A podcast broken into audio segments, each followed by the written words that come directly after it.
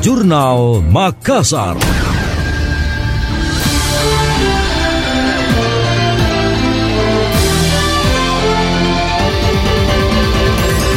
Palang Merah Indonesia menargetkan para penyintas gempa bumi Cianjur bisa kembali ke rumah masing-masing paling lambat Maret 2023 mendatang.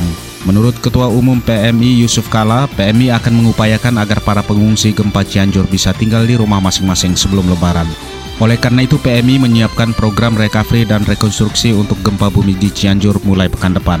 Selain pemerintah, PMI juga akan menyiapkan bahan dan material seperti kayu, seng, atau semen untuk mewujudkan program tersebut.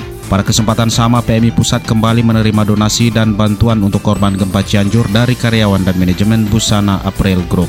Bantuan untuk PMI tersebut senilai 750 juta rupiah. Terkait bantuan tersebut, Yusuf Kala menjamin jika seluruh hasil donasi yang diterima PMI disalurkan langsung kepada para korban gempa. Tidak hanya itu, PMI juga selalu menjalani proses audit oleh lembaga audit independen. Tujuannya tak lain untuk menjaga transparansi PMI sebagai lembaga sosial. Gubernur Sulawesi Selatan Andi Sudirman Sulaiman menyerahkan bantuan langsung tunai senilai 634,2 juta rupiah untuk subsidi BBM kepada lebih dari 2.000 orang penerima manfaat di Kabupaten Bone. Bantuan tersebut diserahkan ke Bupati Bone Andi Fasar M. Pajalangi pada acara Jalan Santai Sulsel anti mager di lapangan Merdeka Watam Bone. Sudirman berharap bantuan tersebut dapat membantu meringankan beban keluarga penerima manfaat. Diketahui pemerintah Provinsi Sulawesi Selatan menyiapkan anggaran 15 miliar khusus untuk mengatasi dampak inflasi.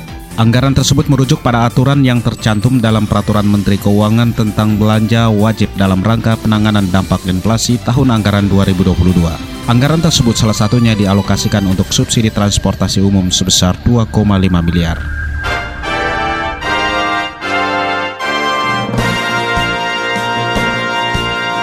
Demikian tadi, Jurnal Makassar.